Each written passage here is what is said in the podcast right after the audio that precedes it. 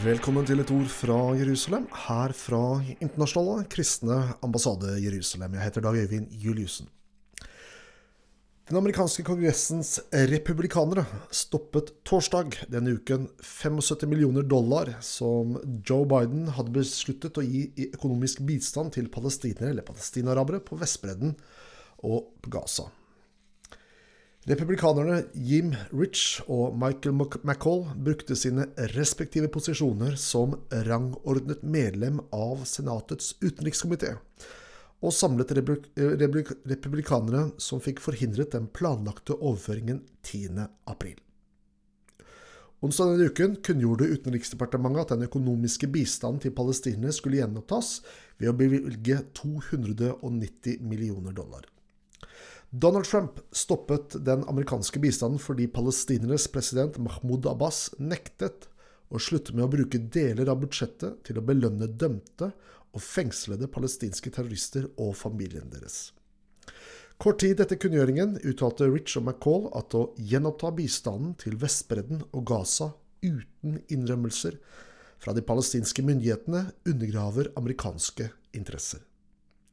PA, altså de palestinarabiske selvstyremyndighetene, bruker årlig millioner på å belønne terrorister, samtidig som det internasjonale samfunnet betaler for det palestinske folks velvære, uttalte de to republikanerne. En fersk rapport krever med rette økt tilsyn med bistanden til palestinere for å sikre overholdelsen av antiterrorpolitikk. Biden-administrasjonen bør bruke all tilgjengelig innflytelse for å sikre atferdsendringer hos PA, inkludert opphør av belønning for terrorisme, sa de. Rich og, eh, McCall refererte til en rapport offentliggjort 19.3 som hevder at USA ikke konsekvent har sørget for at bistanden går til terrorister og terrorgrupper. Tilsvarende undertegnet 18 republikanske senatorer et brev torsdag, initiert av senator Ted Cruz fra Texas, som ba Biden-administrasjonen om å avvente med å yte bistand til man med sikkerhet kan garantere at midler ikke går til å finansiere terrorisme og terrorister. Senatorene viste til lovverk innført under, innført under Trumps regjeringstid, Taylor Force Act, som ble vedtatt for å sikre at all amerikansk bistand kommer palestinerne til gode, og ikke PA og Hamas. Siden 1993 har den amerikanske regjeringen gitt mer enn 6,3 milliarder dollar med sikte på å fremme palestinernes evne til å etablere en stat, og for å forhindre palestinsk terrorisme, heter det i brevet. Videre står det vurdert etter hvilken grad man har oppnådd disse målene, har amerikanske programmer ikke bare mislyktes, men de har vært kontraproduktive idet pengene har fremmet terrorisme og funnet veien til terrorister heter det i dette brevet. Sabulon Simantov, kjent som Afghanistans siste jøde, immigrerer nå til Israel. Simantovs kone, en jødine fra Tadsjikistan, og deres to døtre flyttet til Israel i 1988. Men Simantov valgte å bli for å opprettholde Afghanistans siste synagoge i Kabul. Dette til tross for tiår med terror og politiske konflikter, inkludert perioden da Taliban var i krig med USA. Jeg klarte å beskytte synagogen i Kabul som en jødisk løve, uttalte Simantov til Arab News. Simantov har arbeidet som en teppe- og smykkeselger, og ble født i den afghanske byen Herat. Den ble for ti år siden, eh, der hvor det for flere tiår siden bodde flere hundre jøder. Han flyttet til Kabul, men flyktet til Tadsjikistan i 1992, før han returnerte til hovedstaden i Afghanistan. Den jødiske løven frykter at USAs tilbaketrekning av militært nærvær i USA vil skape et vakuum som Taliban vil utnytte for å øke sin makt og innflytelse i landet. Sammen med mange andre afghanske borgere fra etniske minoritetsgrupper velger han derfor nå å flytte fra landet og vende hjem til familien i Israel. Med det vil den jødiske synagogen i Kabul stenge. Og det siste pustet av jødisk tilstedeværelse i landet vil bli borte. Det har vært jødisk samfunn i Afghanistan i mer enn 2000 år, og en æra er nå over. Jeg vil følge med på TV i Israel for å få med meg hva som skjer i Afghanistan, uttalte Simantov til Arab News her forleden dag. Vi skal høre på musikk før vi tar for oss flere nyheter, og da er det faktisk gladnyheter vi skal få høre.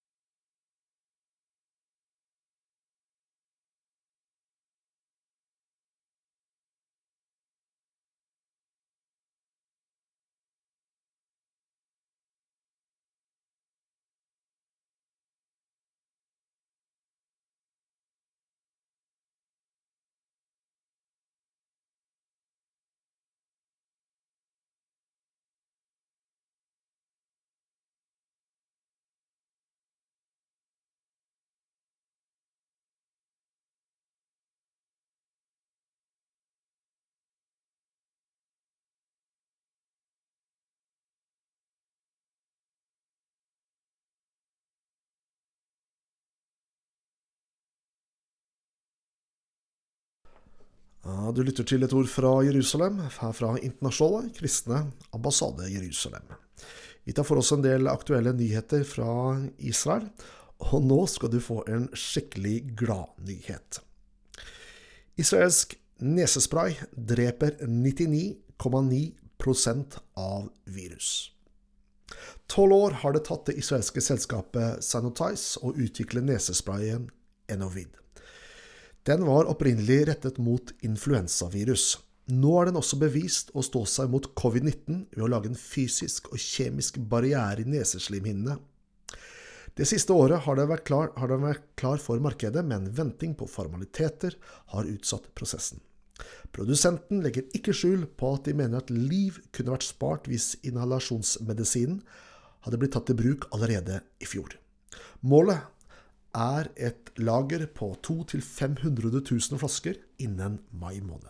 Deretter er produksjonsmålet 1 million per måned. Sprayen kunne ha forhindret mye av verdens covid-19-infeksjoner, sier oppfinneren dr. Gilly Regev til The Times of Israel.